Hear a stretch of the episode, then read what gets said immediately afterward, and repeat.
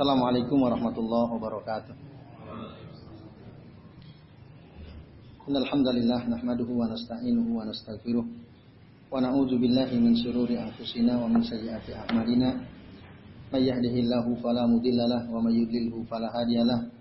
Asyhadu an la ilaha illallah wahdahu la syarikalah wa asyhadu anna Muhammadan abduhu wa rasuluh.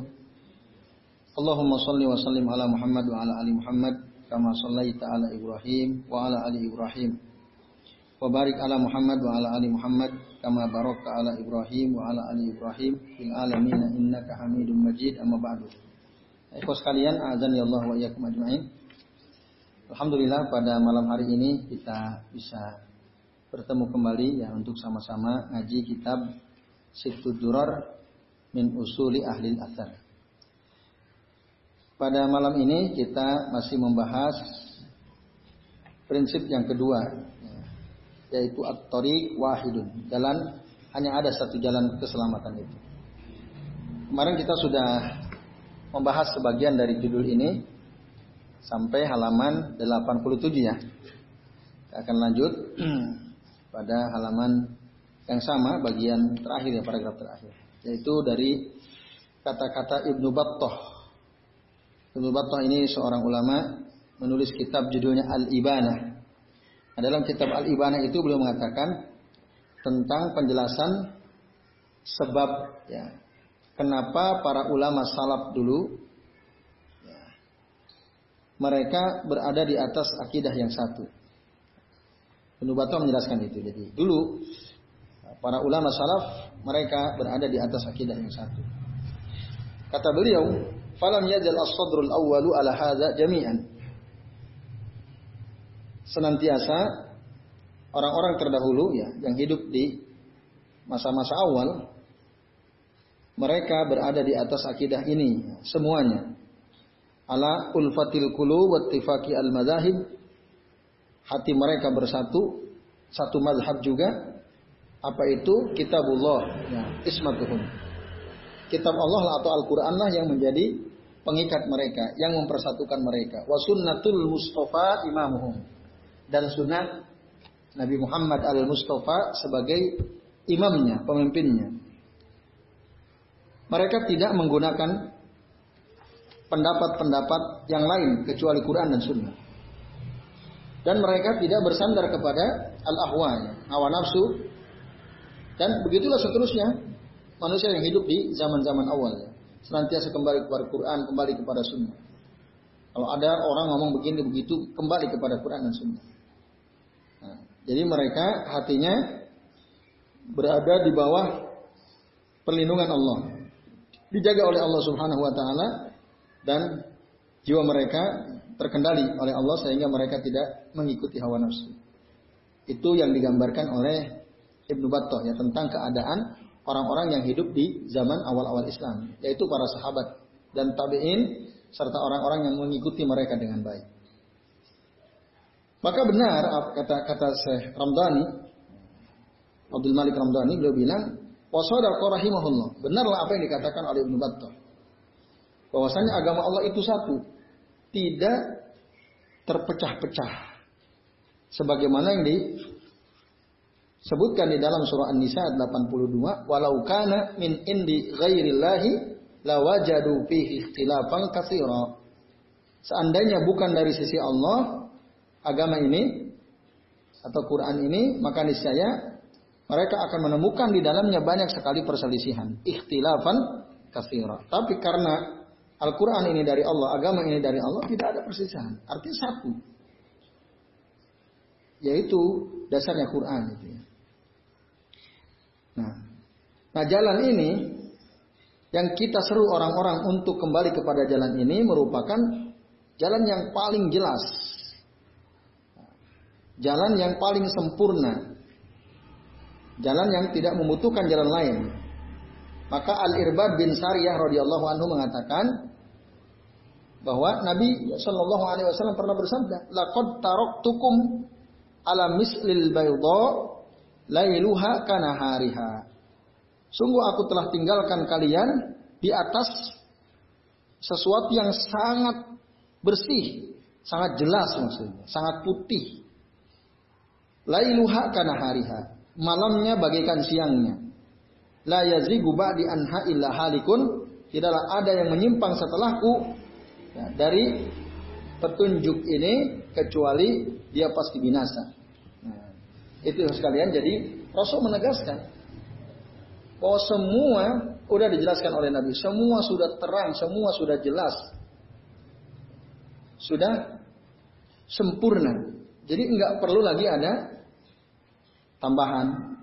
Karena udah jelaskan sama oleh Nabi. Sampai-sampai malamnya itu seperti siang, saking jelasnya. Ajaran Nabi saking jelasnya, bahkan malam pun seperti siang. Ini bahasa kiasan ya dari Nabi Shallallahu Alaihi Wasallam. Saking jelasnya. Maka kalau ada orang kok menyelisihi apa yang diajarkan oleh Nabi, tidak ada kecuali dia pasti binasa. Kalau dia menyimpang, karena sudah jelaskan semua. Cara sholat dijelasin clear, cara haji, cara zakat, cara ibadah, cara bermuamalah, ya, bermunakahah, menikah, berbisnis, semua sudah dijelaskan. Apa yang belum dijelaskan oleh Nabi? Semua dijelaskan. Nah ini uh, ikhwas sekalian azanillahu wa iyyakum ajmain. Nah, maka apabila ada orang berusaha untuk menyempurnakan apa yang sudah diajarkan oleh Nabi, ada orang berusaha untuk menghiasi padahal Nabi tidak pernah melakukannya dan tidak pula para sahabat beliau. Sesungguhnya dia ini sedang menempuh jalan atau menuju ke audiyati al-mahalik, lembah-lembah kebinasaan. Ada orang, oh ini kurang nih. Oh ini perlu ditambahi. Oh ini belum sempurna dan seterusnya. Nah, maka orang-orang seperti ini padahal apa yang dilakukannya tidak pernah dilakukan Nabi, lalu dianggap oleh oleh mereka sebagai penyempurna, dianggap uh, untuk agar agama ini lebih indah dan seterusnya, maka orang itu tadi sesungguhnya sedang menempuh ke lembah kebinasaan. Nah, inilah yang kemudian oleh Nabi disebut dengan al bid'atud dolalah. Bid'ah yang menyesatkan.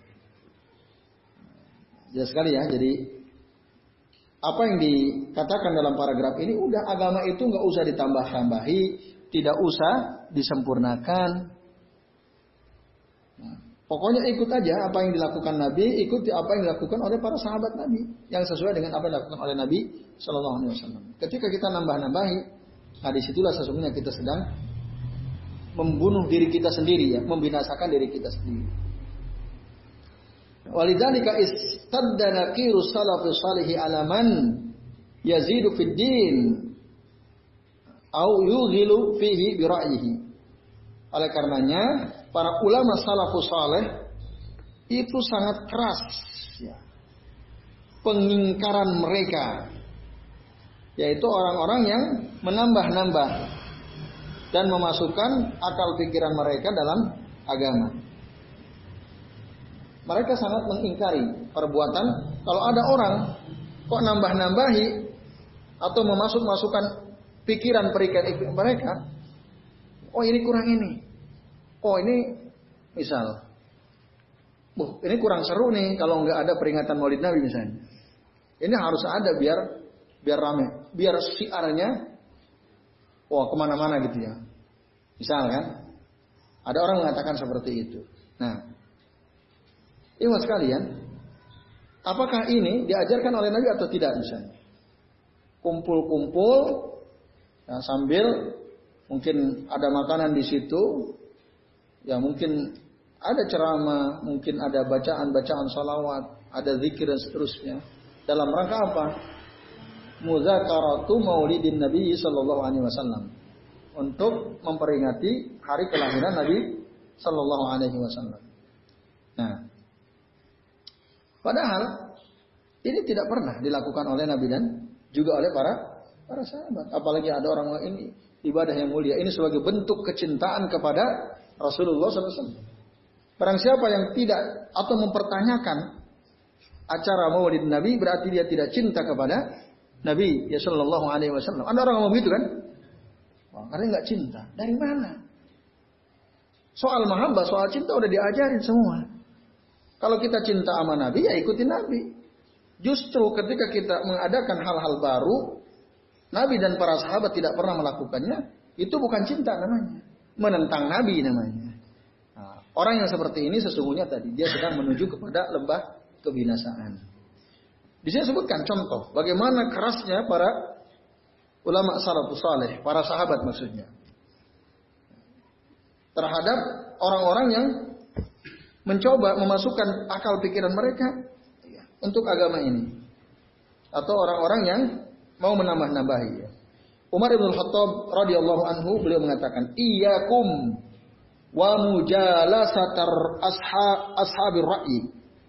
Jauhilah oleh kalian bergaul dengan orang-orang yang mendahulukan akal. Ya, orang-orang yang mengandalkan akal pikiran jauhi. Fa innahum a'da ya a'da us-sunnah. Karena mereka ini musuh-musuh sunnah. Ayathum sunnatu an yahfaduha. Mereka ini lemah dalam menjaga sunnah. Mereka melupakan sunnah. Mereka menyepelekan sunnah. Menyepelekan hadis-hadis Nabi SAW. Nah. Dan itu yang dilakukan oleh mereka. Mereka menyepelekan hadis-hadis yang datang dari Nabi SAW. Nah ketika mereka ditanya, amma la ya'lamun, ya tentang sesuatu yang mereka nggak ngerti, pastahyu ayyakulu la na'lam. Mereka malu mengatakan saya nggak tahu. Nah, mereka malu, saya mengatakan tidak tahu. Nah, kemudian Fa'ab tahu bira'ihim. Akhirnya mereka berfatwa dengan akal pikiran mereka. Dengan pendapat mereka sendiri tidak merujuk kepada Quran dan Sunnah. Maka akhirnya fadallu mereka sesat. Wa menyesatkan kafiran. Banyak orang. Sesat. Dan mereka juga menyesatkan dari jalan yang lurus. Inna nabiyakum. Sesungguhnya nabi kalian, kata Umar. Lam yakbidhullahu hatta agnahu bil wahyi anir ra'i. Tidaklah diwafatkan oleh Allah subhanahu wa ta'ala sehingga ya, Allah mencukupkan Nabi dengan wahyu dan tidak butuh kepada akal pikiran. Udah clear semua, ada dalam wahyu. Lalu Umar akhirnya mengatakan, walau kana ra'yu aula minas sunnah, seandainya pikiran kita, akal kita ini lebih utama daripada sunnah, lakana batinul khufaini aula bil mashi min zahirihima.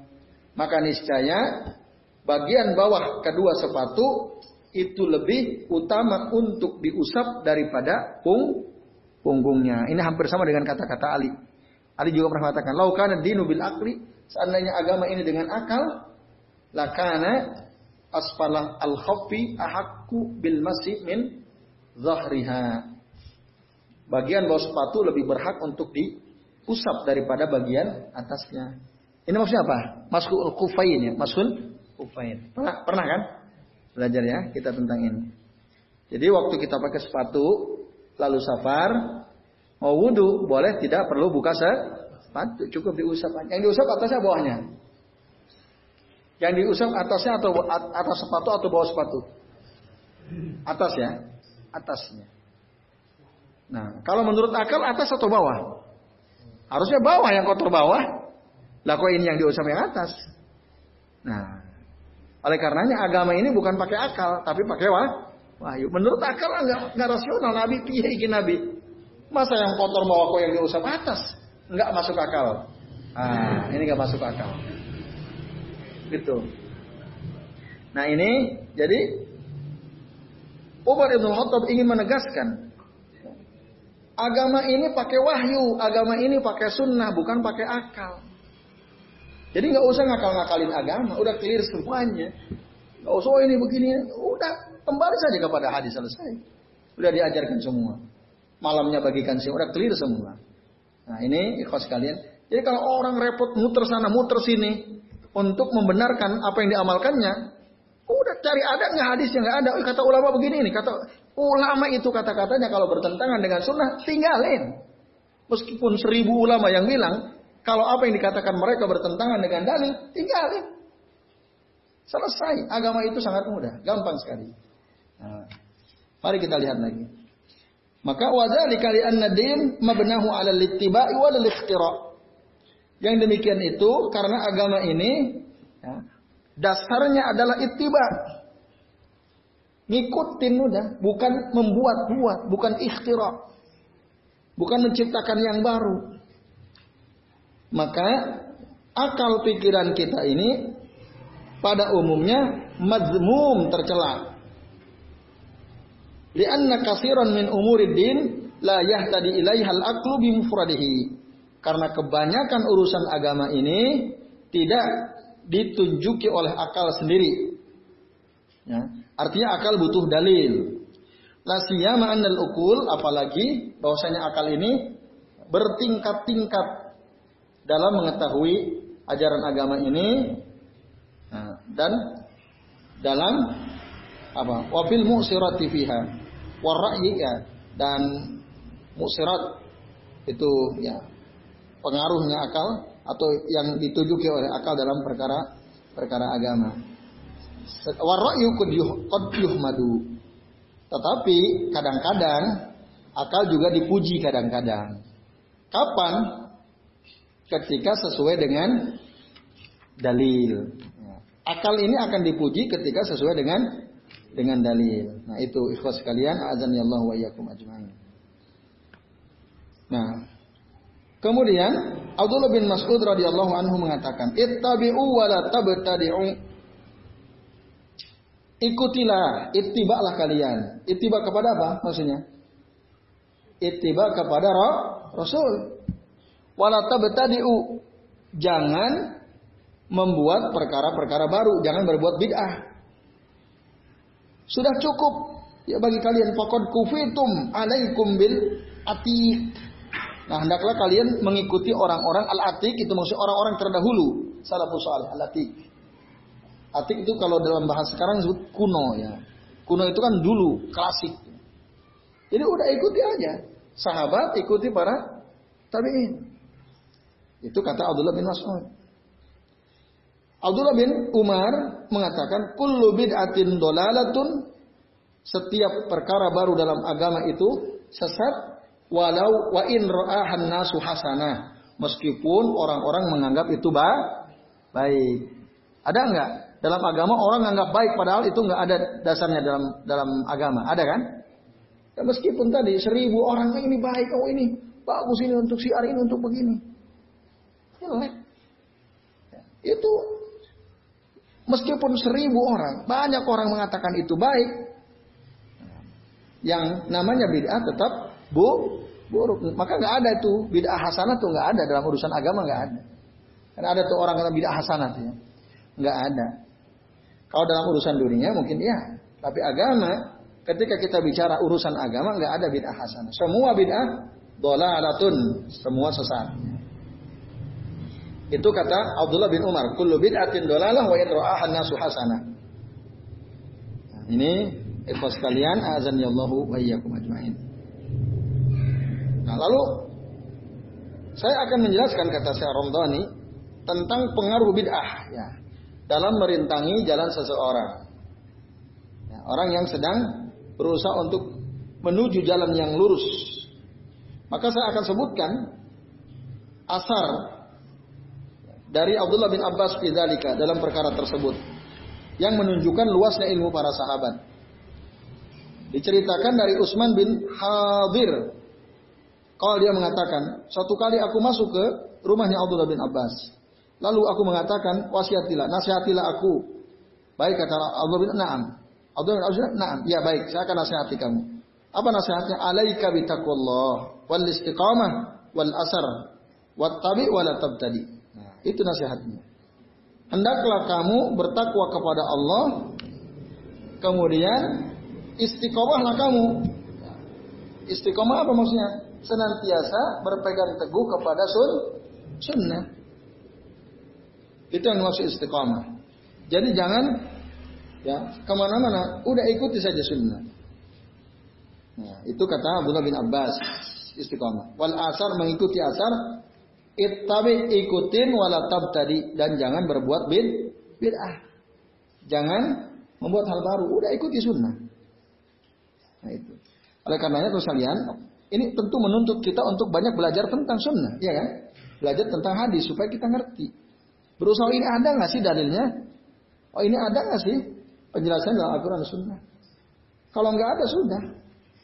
Oh katanya qala fulan bin fulan rahimahullah fi kitabi wa kada. Qala fulan bin fulan anna hadza hasanun, anna hadza khairun, anna hadza mustahabun seterusnya. Oh kata si fulan bin fulan ini baik, oh ini sunnah, ini dianjurkan. Tapi nggak ada dalil, ah, udah. Kalau nggak ada dalil, selesai. Tidak perlu diikuti karena itu berarti al tidak. Itu yang dimaksud. Nah, lalu dijelaskan oleh Syekh Abdul Malik ya, Ramdhani Al-Jazairi kata beliau, coba renungkan apa yang dikatakan oleh Abdullah bin Abbas tadi. Maka apa yang dikatakannya itu mengumpulkan dua perkara penting. Tadi alaika bitaqwallah, satu, takwa kepada Allah maksudnya apa? Maksudnya adalah ikhlas. Kenapa di artikan ikhlas? Karena dia diikuti dengan ittiba. Ikhlas ittiba. Maka syarat amal diterima itu ada dua kan? Ikhlas dan it, ittiba. Maka maksud bitaqwallah itu alaika bil ikhlas wal istiqomah wal asar wat tabi wala tabtadi. Nah, yang kedua ittiba. Itulah yang makna ittiba itu adalah as-sirat al-mustaqim. Jalan lurus itu adalah ittiba itu. Kemudian hazarahu mimma yudadu dzalika. Abdullah bin Abbas ya, memberikan peringatan kepada siapa tadi? Kepada sahabatnya yang minta nasihat kepada beliau yaitu Utsman bin Hadir tadi. Mengingatkan yudadu zalika yang berkebalikan dengan ittiba ala wa huwa al bid'ah yaitu bid'ah. Jadi Abu eh, Abdullah bin Abbas tadi kan mengatakan wattabi wala tabtadi. Nah, itu mengingatkan tentang jangan bid'ah. Beginilah ya wa hakada kana amatu kalami salaf jami'an mani'an anil an wijazatihi. Demikianlah kebanyakan perkataan para para ulama salaf. Ya. Jadi ringkas padat. Ringkas dan padat tadi. Hampir sama rata tuh kan. Abdullah bin Mas'ud ittabi'u wa la tabtadi'u. Abdullah bin Umar bilang apa? Kullu bid'atin dhalalah wa in ra'ahan nasu hasanah. Lalu Abdullah bin Abbas bilang apa? alaika bitaqullah wal istiqamah wal asar ittabi wala tabtadi. Sama kata-katanya. Jangan bid'ah intinya. Tapi herannya ada sebagian orang alergi dengan kata-kata bid'ah. Ada nggak? Banyak. Kalau dibilang bid'ah, bid'ah, bid'ah, bid'ah, bid'ah. Dari dulu sahabat udah ngomong sering. Coba ini aja tiga lihat, semua bilang wala tabtadi'u. Jadi katakan, bahkan Nabi sendiri bilang, Inna kulla muhdasatin bid'atun. Nabi yang bilang kan. Kenapa kok ada orang benci betul mendengar kata-kata bid'ah? Antum pernah menemukan orang seperti itu? Pernah kan? Dia sangat panas. Kayak apa gitu. Kalau dengar kata bid'ah itu marah dia. Dan itu nggak tergantung pendidikannya tinggi atau rendah. Bahkan yang udah profesor dokter pun itu ada orang yang Ketika mendengar kata bid'ah langsung telinganya merah, nggak senang. Itu ada orang seperti itu. Nah, ikhwas sekalian, padahal kata bid'ah itu udah disebutkan dari dulu bahkan oleh Nabi sendiri. Maka saya pernah berdebat ya dengan seseorang uh, di grup ucap gitu ya. Ini umum siapa yang masukin. Uh, yang dimasukin oleh si adminnya ini Ya, orang-orang yang menurut dia ustadz begitu ya. Ada orang yang dianggap kiai oleh dia, tinggalnya di Jawa Timur kalau tidak salah.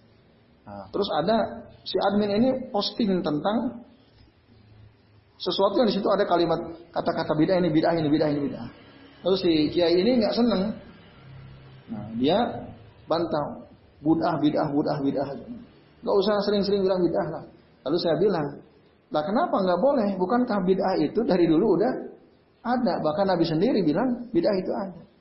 Lalu dia mutab, eh, ngutip ya pendapat ini itu disebutkan dalam kitab ini itu. Nah, kebetulan kitab yang dia punya, saya juga punya. Saya bilang, Pak, kitab yang panjenengan punya itu dikritik oleh kitab ini kitabnya. Saya kopi kitabnya, saya foto covernya, baca juga yang ini, jangan hanya baca itu saya bilang. Nah, akhirnya dia, wah saya kalau ketemu jenengan langsung secara fisik saya akan peluk jenengan gitu. Nah, kata si kiai itu ya. Ya udah mak mak maksud saya tadi nggak usah alergi dengan kata-kata bid'ah. Kalau toh memang tidak diajarkan Nabi ya itu bid'ah. Kalau kita nggak senang, ya berarti kita nggak senang dengan ngikutin Nabi kan begitu. Nah ini gampang sekali sebenarnya. Nah, ini ya uh, ikhlas kalian azan ya Allah ya Nah kemudian waqad kana salafu salih yasadduna ala man yabtagi aqwalar rijal dulu para salafus saleh maksudnya para sahabat sangat keras kepada orang-orang yang apa bersandar kepada kata-kata tokoh. Para sahabat dulu sangat keras kepada orang-orang yang mencari pembenaran dengan kata-kata tokoh mereka. Dalam rangka apa? Untuk menentang hukum-hukum yang telah ditetapkan oleh Rasul Shallallahu Alaihi Wasallam. Jadi kalau ada orang Kok dia mengutip pendapat Pulan bin Pulan, pendapat ulama Pulan bin Pulan, pendapat Kiai Pulan bin Pulan. Padahal yang dikatakan mereka semua bertentangan dengan sunnah Rasul, dengan amalan Rasul, dengan perkataan Rasul. Nah, maka marah betul ulama-ulama salaf terdahulu. Meskipun tokoh-tokoh yang dimaksud adalah orang yang mulia, orang yang dihormati, orang yang disegani, Meskipun demikian keadaan mereka, kalau apa yang mereka katakan bertentangan dengan dalil, maka akan marah. Para sahabat dulu marah. Nah, diceritakan di sini. Nah, lalu sebelum sebelum diceritakan bagaimana marahnya sahabat ya, kalau ada orang, oh kata ini begini, kata ini begini, padahal hadis sudah jelas. Sahabat marah betul itu. Nah, lalu saya Abu Malik ya, Ya, Abdul Malik Ramdhani Al-Jazairi dia mengatakan, memang tidak diragukan lagi bahwa menunjukkan adab etika ya, kepada ahlul ilmi, kepada para ulama, mencintai mereka, mendahulukan perkataan mereka daripada perkataan orang-orang setelah mereka, nah, itu mendahulukan pendapat mereka daripada selain mereka, maksudnya mendahulukan pendapat para uh, ulama daripada pendapat orang-orang yang bukan ulama. Betul, ini perkara penting. Mencintai ulama penting. Mendahulukan perkataan mereka dibanding perkataan orang yang bukan ulama itu penting. Itu tidak bisa diingkari. Menauladin mereka ber, mengambil uswah, ya. mengambil teladan dari mereka itu penting. Tapi ini satu satu hal. Satu hal. Watakdimun nas minal wahya ini ba'da ittidahi syai'un akhar. Sebaliknya mendahulukan dalil ya, dalil dari Al-Qur'an dan Sunnah dari dua wahyu itu ini perkara yang lain. Yang berbeda. Artinya gini. Meskipun ada ulama alim, saleh, disegani banyak orang, santrinya banyak, bahkan kontribusinya besar. Ya. Kita harus hormati mereka itu, para ulama tersebut. Kita harus mengambil teladan dari mereka. Kita harus dahulukan perkataan mereka dibanding yang lain, yang bukan ulama. Tapi kalau udah berhadapan dengan dalil, lain lagi itu maksudnya. Iya, jika apa yang mereka katakan sesuai dalil, kita terima. Kalau ternyata yang dikatakan si tokoh besar, tokoh terhormat ini bertentangan dengan dalil, ya kita tolak. Karena lain dalil. Ngikuti sunnah, itu yang harus. Karena ulama itu bisa benar, bisa bisa salah. Ngikuti dalil jelas perintahnya. Wa ma atakumur rasul. Apa yang datang dari Nabi ambil. Wa ma nahakum anhu fantahu. Dan apa yang dilarang oleh Nabi tinggalkan. Selesai. Ayat itu udah menghabisi semua, memukul ya, habis orang-orang yang berusaha mendahulukan perkataan orang alim daripada Nabi Shallallahu Alaihi Wasallam. Nah, Lalu diceritakan di sini pernah terjadi ya semacam dialog antara Abdullah bin Abbas dengan Urwah. Ini uh, mereka berdebat dalam satu perkara ya. Kata Urwah, celakalah engkau wahai Abdullah bin Abbas, wahai adlal tannas, kamu telah menyesatkan banyak orang. Kenapa Abdullah bin Abbas dituduh telah menyesatkan banyak orang? Karena dia Abdullah bin Abbas menganggap bahwa umroh pada tanggal 10 bulan Zulhijjah itu gak ada masalah. Boleh silahkan. Diperintah boleh.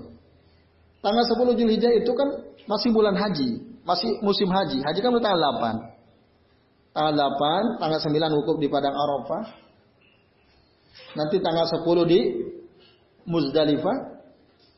Ya. Itu masih proses haji belum selesai. Tapi Abdullah bin Abbas mengatakan boleh umroh. Boleh umrah. Untuk siapa? Untuk orang yang tidak sedang haji. Umrah itu kan hanya sa tawaf, sa'i dari Bukit Sofa ke Bukit Marwah tujuh kali, lalu kemudian tahalul selesai. Nah ini tanggal 10 masih di tengah-tengah proses ibadah haji, kok dibolehkan umrah? Itu kata Urwah.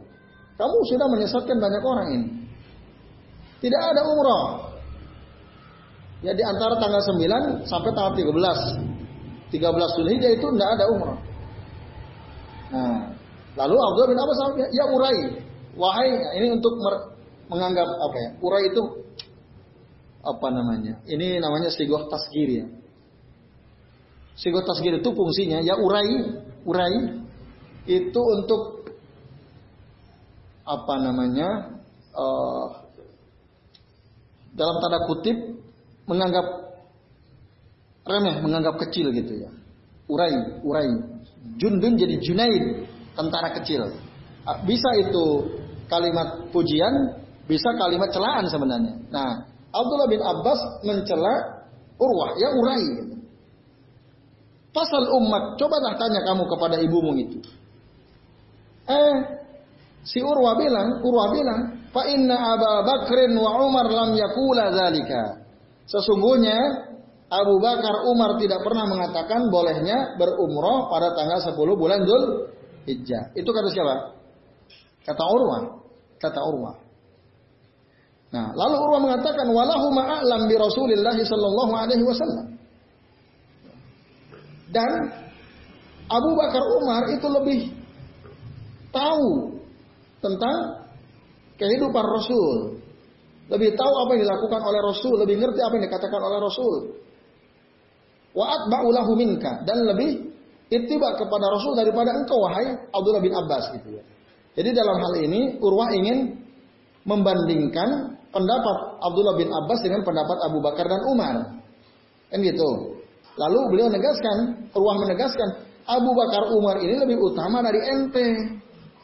Karena lebih dekat kepada Nabi lebih ngerti tentang Nabi. Lah kok ente yang tidak lebih tahu dari mereka bilang boleh umroh tanggal 10 Zulhijjah.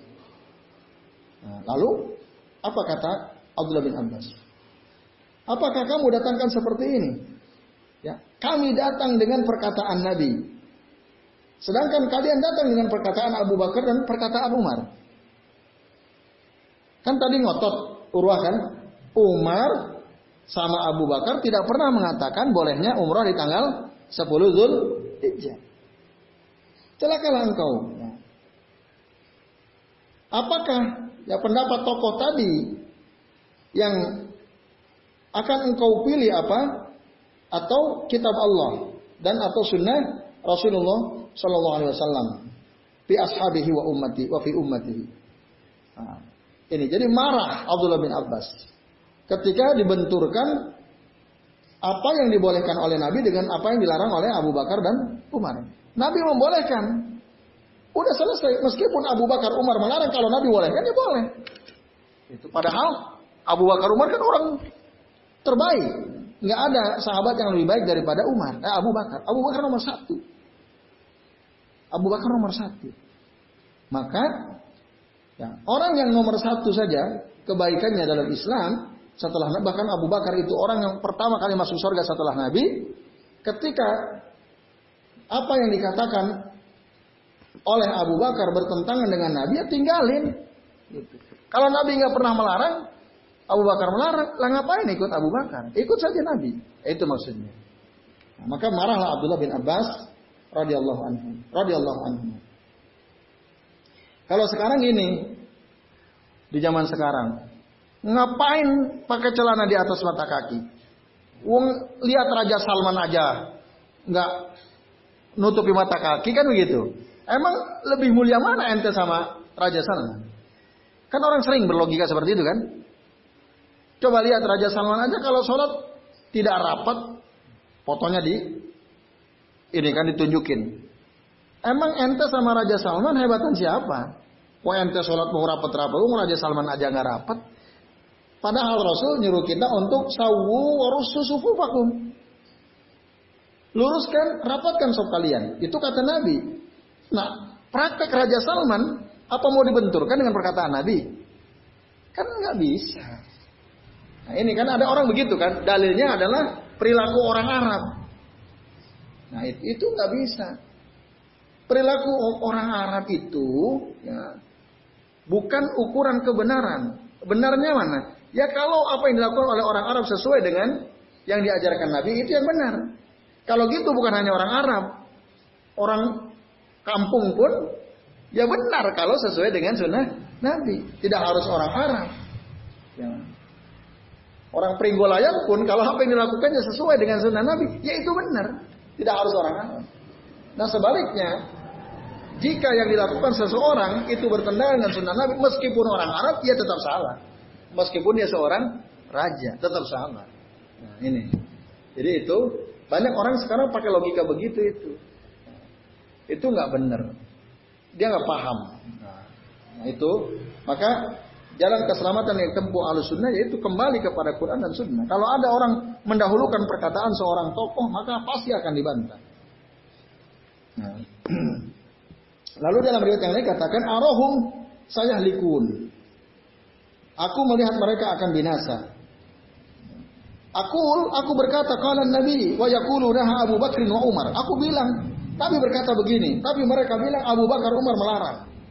Kok mau dibenturkan perkataan Nabi dan Abu Bakar dan berkata Umar? Seandainya betul Abu Bakar dan Umar melarang, ya, tanggal 10 untuk umroh nggak boleh gitu ya. Seandainya betul ada, padahal Nabi tidak melarang, Nabi membolehkan, maka tetap perkataan Abu Bakar dan Umar harus ditinggalkan. Apalagi perkataan orang-orang zaman sekarang. Siapa misalnya? Nah, kalau kita sebut gitu toko A, toko B, ustad A, ustad B, ya kalau yang diomongkan bertentangan dengan Quran Sunnah, tinggalin. Nah itu, itu yang dikatakan oleh Abdullah bin Abbas ya. Betapa beliau tegas, kembalilah kepada Quran dan Sunnah. Ayatnya kan juga jelas. Gimana ayatnya? Allah wa atiur Rasul wa ulil amri minkum. Taatilah Allah, taatilah Rasul dan pemimpin kalian, ulama kalian, umara kalian ikutin. Tapi fa in tanazatum fi syai'in kalau kalian berselisih dalam satu perkara, apa kata kata Allah? Farudduhu ilallahi wa rasuli. Udah kembali pada kitab Al-Quran kepada Allah, kembali kepada Rasulnya, kepada Sunnah. Selesai. Itu yang diperintahkan oleh Allah Subhanahu Wa Taala. Oke, itu. Aku katakan, berkatalah Sa'ad Rahman bin Hasan rahimahullah, akibah hadal asar. Setelah mengutip tadi ya pendapat Abdullah bin Abbas. Dan dalam perkataan Allah bin Abbas itu ada yang menunjukkan bahwa barang siapa yang sudah sampai kepadanya dalil, tapi dia tidak mengambil dalil, malah taklid kepada perkataan tokohnya, kepada perkataan pimpinannya, ulamanya, fa innahu yajibul ingkar alaihi bitaglil. Maka wajib kita mengingkari orang tersebut dengan keras. Kenapa? Li mukhalafatihi ad-dalil. Karena dia menjadi dalil. Nah, udah selesai. Itu ikhwas kalian ya. Dalam tadi kembali ke kasus Maulid gitu kan. Ada teman-teman di grup, satu grup WhatsApp gitu. Ingin membenarkan, oh tahlilan itu Bagus salin itu banyak pahalanya. Lalu dipostinglah tulisan orang ya tentang bagaimana perkataan para tokoh-tokoh tentang pentingnya Maulid Nabi. Nah. Lalu gimana? Ya udah tinggal jawab. Ada nggak ada satupun di dalam perkataan yang panjang itu Nabi bersabda begini-begini. Ya, sahabat ini mengatakan begini-begini. Nggak ada. Itu semua perkataan orang-orang belakangan. Nah, lalu gimana? Ya udah dibantah saja. Ada nggak sahabat yang melakukan? Abu Bakar, Umar memperingati hari kelahiran Nabi. Ada nggak? Nggak ada. Nabi sendiri nggak pernah nyuruh. Udah selesai. Laukana khairan la sabakuna ilaih. Begitu kaidahnya. Seandainya itu baik, pasti Nabi dan para sahabat akan lebih dulu melaku, melakukannya. Tapi nggak lakukan berarti itu nggak baik. Nah ini. Itu yang maksudnya. Maka kita harus ingkari dengan keras karena mereka menyelisih dalil. Wakala aywan ada juga orang berkata, wakat amat al balawa bihadil munkar, khususan memang yang tasibu ilal ilmi, nasabu al-habail fi saddi al-akhdhi bil kitab wa sunnah. Wasudu an mutaba'atir rasul wa ta'zimu amri wa nahi fa min dzalika qauluhu Telah umum dengan kemungkaran ini khususnya orang-orang yang menisbatkan dirinya kepada ilmu. Lalu mereka menancapkan penghalang-penghalang bagi orang lain yang ingin mengambil dari kitab dari as-sunnah. Mereka menghalangi orang-orang untuk mengikuti Rasul. Mereka menghalangi orang-orang untuk mengagungkan perintah dan larangan Rasul. Apa tuh kata orang-orang tersebut yang menghalang-halangi itu? Mereka bilang apa? La yastadillu bil kitabi was sunnati illa al mujtahid wal ijtihadu qadin qata'a kata mereka. Mengambil dari dari Al-Qur'an dan sunnah tidak boleh katanya. Kita ini nggak boleh ngambil dari dari Al-Qur'an dan sunnah. Kita dilarang. Kecuali kalau kita muji. Mujtahid. Kalau kita orang pinter gitu ya. Mujtahid itu kan syaratnya dia harus ngerti bahasa Arab, dia harus paham uh, tafsir ulumul Quran, fikih usul fikih, hadis usul uh, musalahul hadis, balaghah dan seterusnya. Itu mujtahid. Nah, jadi nggak boleh orang awam kayak kita ini ngambil dari Quran dan Sunnah. Yang boleh itu hanya al mujtahid. Sementara ijtihad sekarang udah putus. Jadi kalau ada orang mengklaim ini dari Quran dan Sunnah, itu pasti keliru. Nah, ini kan nggak benar. Karena ijtihad sudah sudah selesai, itu kata mereka. Nah, itu sesungguhnya kata-kata yang menghalang-halangi orang untuk mengambil dalil dari Al-Quran dan Sunnah dan untuk beriktibar kepada Rasul Shallallahu Alaihi Wasallam. Lalu dikatakan, dia mengatakan, Wa qalladtuhu a'lamu bil hadisi wa nasakhihi wa, wa. Orang yang aku taklidi ini, yang aku ikuti ini lebih paham darimu tentang hadis, tentang nasih mansuh. Misalnya kita kan berusaha mengutip dari Al-Quran dan hadis Nabi. Lalu ada orang ingin bantah kita, eh apa yang aku yakini ini dikatakan oleh orang yang lebih alim daripada ente. Karena aku ini mengambil pendapat dari Kiai Pulan bin Pulan. Santrinya banyak, ente punya santri enggak?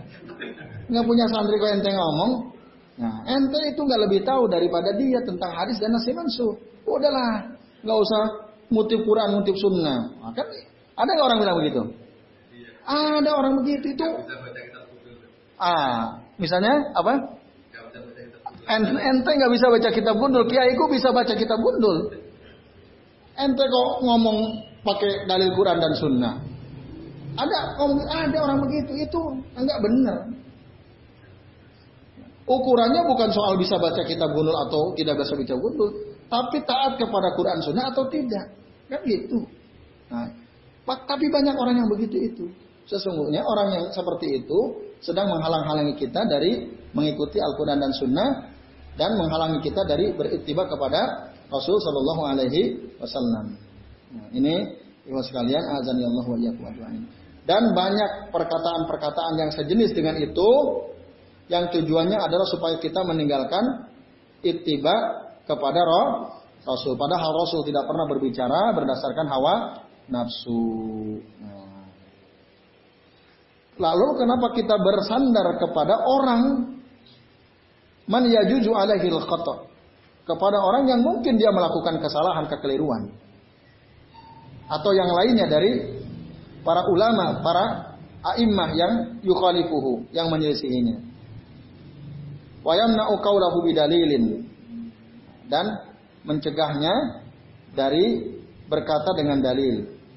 Fama min imamin illa walladhi ma'ahu ba'dul ilmi la.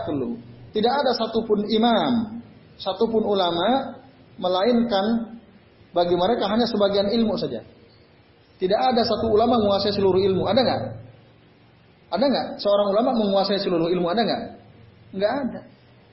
Setiap ulama itu dia mungkin menguasai satu perkara, tapi tidak tidak menguasai perkara yang yang lain. Nggak ada ulama yang menguasai seluruh ilmu. Oleh karenanya, yang namanya ulama selain Nabi itu mungkin bisa salah, mungkin bisa ke bisa keliru, tapi bisa juga benar. Tapi Nabi, Nabi keliru nggak? Enggak. Kalau keliru langsung Allah luruskan. Nabi nggak pernah salah. Kalau salah diluruskan langsung oleh Allah. Ada jaminan, ada garansi. Nah, sedangkan ulama itu kemungkinan ada salahnya, kemungkinan ada benarnya.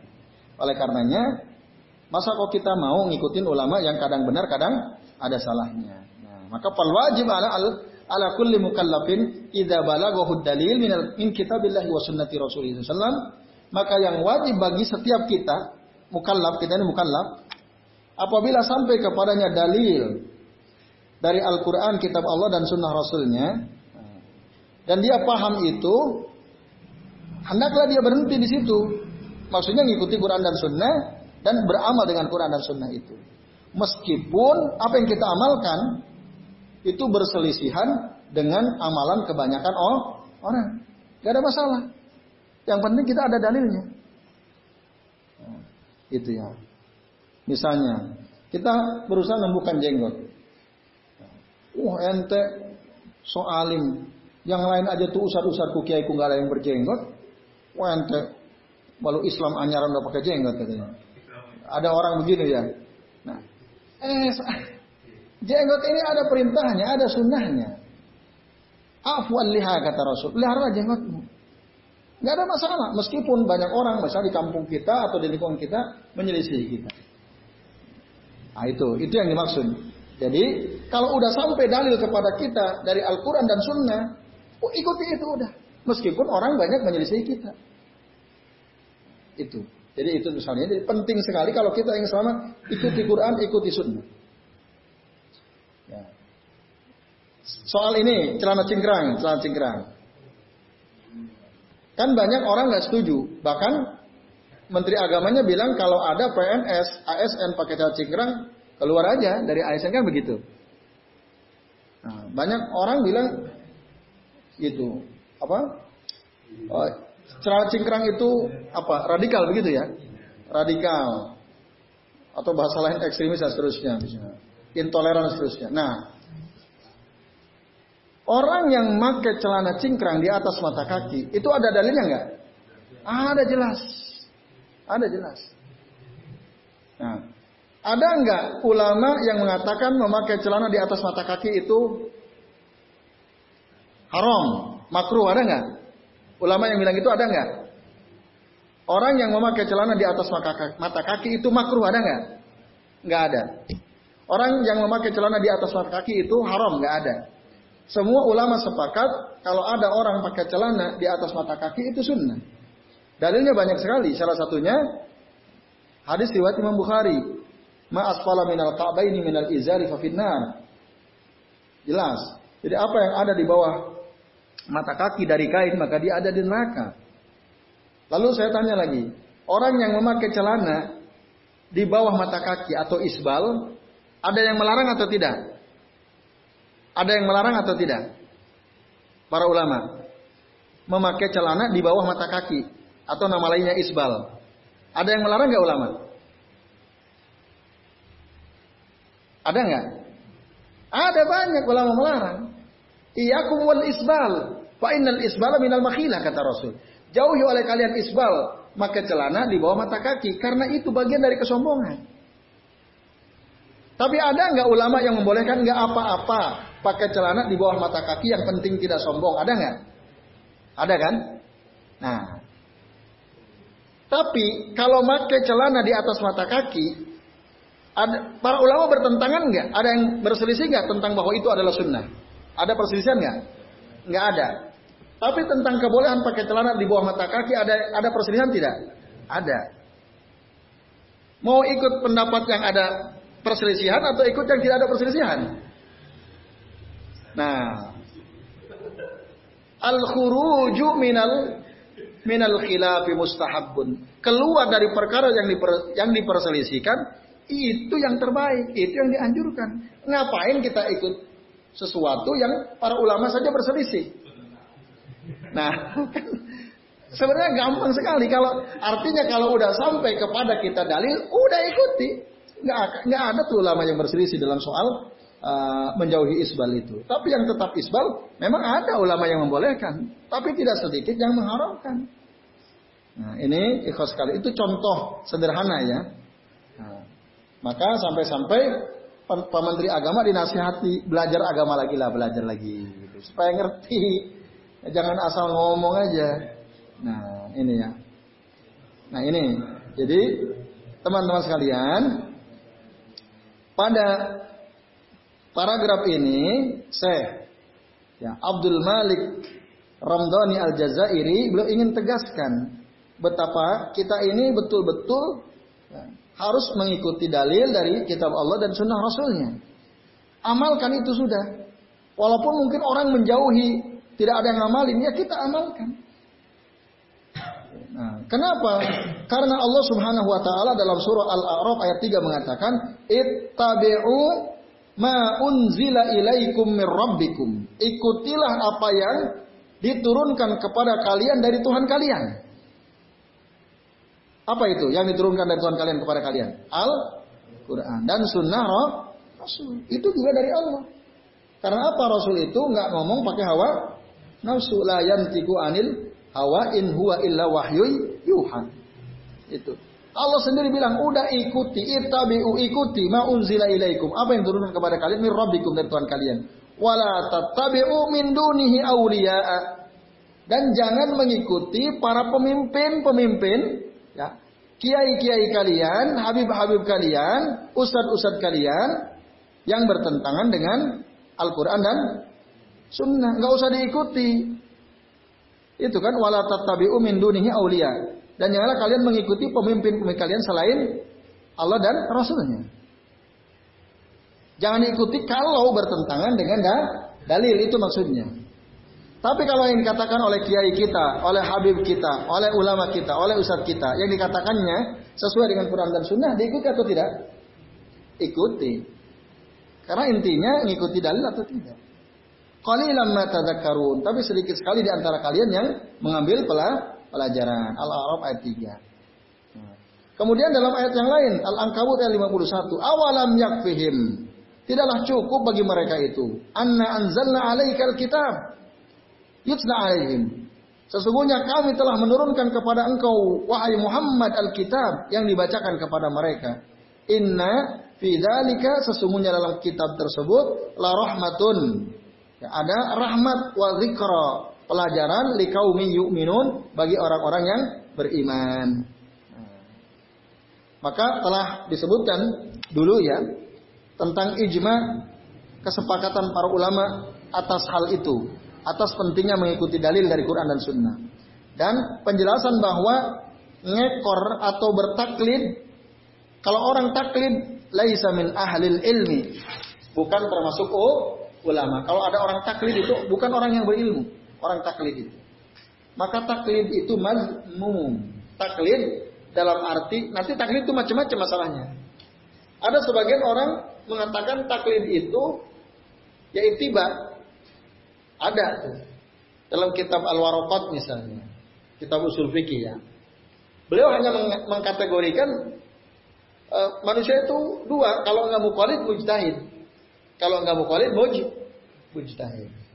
Tapi dalam kitab uh, apa itu Mabadiul Awaliyah bi uh, Qawaid al-Fiqhiyah ya, wa Usul al-Fiqhi bisa katakan taklid beda dengan ittiba. Di atas ittiba namanya ijtihad. Jadi ada taklid, ittiba, ijtihad. Ada tiga tingkatan manusia dilihat dari sudut pandang keilmuannya. Yang terhebat terbaik tentu mujtahid. Nah, itu seperti ulama empat. Di bawah mereka ada ittiba, muttabi namanya. Mudah-mudahan kita termasuk muttabi. Muttabi itu orang yang menerima pendapat seseorang dan dia tahu dalilnya. Dan yang paling jelek adalah muqallid. Orang yang ngikutin pendapat orang nggak ngerti dalilnya. Yang penting kalau udah kiai A yang ngomong, wis ikut wae, pasti masuk melebu surga. Nah ini nggak benar, itu taklid namanya. Nah ini ya. Jadi orang yang taklid itu adalah bukan orang yang berilmu. Telah diceritakan juga bahwa Abu Umar bin Abdul Bar dan yang lainnya ya, telah bersepakat atas hal itu, berijma. Ijma sepakat tadi tentang pentingnya mengikuti Al-Quran dan Sunnah. Nah, ikhwas sekalian, azan ya Allah wa paragraf terakhir telah sampai kepada kita bagaimana para ulama salafus saleh mengagungkan sunnah. Nah, bahkan mereka annahum kanu yu'riduna ala sayfi man yaruddu hadis Rasulullah sallallahu alaihi wasallam. Ya. Yu'ridun itu menghunuskan pedang mereka kepada orang-orang yang berani menolak hadis Rasulullah SAW sebagaimana yang dilakukan oleh Al-Imam Asy-Syafi'i rahimahullah. Waktu itu Imam Asy-Syafi'i berdebat dengan seorang tokoh namanya Basar Al-Muraisi. Basar Muraisi ini adalah pengikut aliran Mu'tazilah. Ada perdebatan di antara mereka. Apa perdebatannya? Ya, yaitu Imam Ash-Syafi'i mengatakan Qur'ah itu boleh, Qur'ah. Undian itu boleh, undian. Mengundi itu boleh. Tapi Basar Al-Muraisi bilang ya, Qur'ah itu sama dengan judi. Nah, menurut si Al-Muraisi, Al-Qur'ah itu kumar katanya, judi. Sementara Imam Ash-Syafi'i mengatakan boleh. Lalu Imam Ash-Syafi'i mengadukan si Bisr al-Muraisi ini kepada hakim al-qadi namanya Abu al-Bakhtari. Hakim yang hakim ya, yang hidup di masa Imam Ash-Syafi'i. Tugasnya hakim itu kan ya seperti di kita. Kalau ada persoalan, perselisihan, lalu ya diputuskan yang satu mana yang benar, mana yang keliru kan. Antara Imam Ash-Syafi'i dengan si Bashar Al-Muraisi ini siapa yang benar? Imam Ash-Syafi'i mengatakan mengundi ya, itu nggak ada masalah. Sedangkan menurut si Bashar Al-Muraisi undian mengundi itu sama dengan ju, judi. Nah, maka Imam Ash-Syafi'i melaporkan si Bashar Al-Muraisi ini supaya ditangkap oleh Abi Al-Bukhtari, oleh Abu Al-Bukhtari. Nah, si Basar Al-Muraisi pernah mengatakan kepada Al-Imam Syafi'i, ya Abu Abdullah, Abu Abdullah nama panggilan Imam Syafi'i, wahai Imam Syafi'i, hada kumar, hada kumar. Ini adalah judi nih. Mengundi itu judi. Lalu aku datangi Abu Al-Bukhtari Lalu aku katakan kepadanya, Sami itu Al-Muraisi yakul, aku mendengar Al-Muraisi mengatakan Al-Qur'atu kumar. Qur'an itu mengundi itu adalah bagian daripada judi. Lalu kala ya Abu Abdullah. Nah, lalu si Abu Al-Bukhtari berkata, "Wahai Al-Imam Syafi'i Abu Abdullah, syahidun akhar. Kamu hadirkan satu lagi saksi, ya, wa aktulu, saya akan bunuh dia, saya akan penggal dia." Siapa yang akan dibunuh? Bisr al-Muraisi orang Mu'tazilah yang mengatakan katanya Quran itu kumar. Dalam ayat yang lain katakan syahid akhar, Datangkan satu saksi, satu lagi saksi datangkan, maka saya akan angkat dia ya, ke kayu lalu akan saya salib dia. Ini ketegasan qadi namanya Abu Al-Bukhtari kepada Al Imam Asy-Syafi'i. Ya. Artinya apa yang dikatakan Imam Asy-Syafi'i benar. Yang dibantah oleh si uh, Bas Basr Al-Muraisi itu keliru. Kenapa? Karena dia bertentangan dengan amal Nabi, perbuatan Nabi. Nabi pernah nggak mengundi?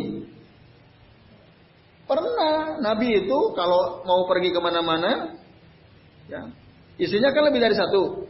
Diundi itu, masukin nama-namanya, dikocok siapa yang keluar itu yang ikut. Kan itu mengundi namanya, Quran namanya. Boleh. Nah, atau antum misalnya, ya, mengundi siapa yang dapat hadiah, door prize, ya, diundi misalnya. Yang hadir pengajian akan dapat door prize Pokoknya setiap orang yang hadir kajian di Jumat malam Sabtu dapat door prize gitu ya. Nah, diundi siapa yang keluar itu boleh nggak? Boleh. Nah, dan disebutkan di catatan kaki itu di bawah. Jadi kata Imran bin Husain, dulu ada seseorang, ya. Coba nih hadisnya lihat. Ini bukti bahwa Nabi pernah melakukan undian Quran. Kata Imran bin Husain, dulu ada seseorang dia membebaskan enam orang budak. Sittata mamlukin lahu inda mautihi. Dia punya enam orang budak ketika dia mati, dia bebaskan semua ke enamnya. Padahal nggak ada hartanya kecuali itu. Dia nggak punya apa-apa kecuali enam orang hamba sahaya, budak. Lam yakun lahu malun gairuhum. Dia tidak punya harta kecuali budaknya yang enam itu. Nah harusnya kan bebas tuh kan harusnya. Tapi ini keliru, orang ini keliru. Nggak boleh menghabiskan hartanya, ya, sementara dia punya ahli waris. Udah dibebaskan amanah itu budak dipanggil lagi, enam orang budak dipanggil lagi. Pada abihim Rasulullah Shallallahu Alaihi Wasallam. Fajazahum salasan. Lalu Nabi membagi-bagi enam orang budak itu menjadi tiga kelompok. Berarti satu kelompoknya berapa orang? Dua orang, dua oh, dua orang. Jadi tiga kelompok. Untuk apa? Untuk diundi. Summa akra abainahum. Kemudian yang ketiga kelompok tadi diundi. Nah, nanti siapa yang keluar namanya kan tiga kelompok. Nah, misalnya kelompok satu, dua, tiga. Nanti kelompok mana yang keluar, itulah yang silahkan bebas. Yang nggak keluar tetap jadi budak. Nah, itu maksudnya.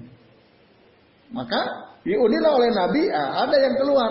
Dibebaskanlah dua orang, Wa arab arbaatan sementara yang empat orang tadi jadiin budak lagi.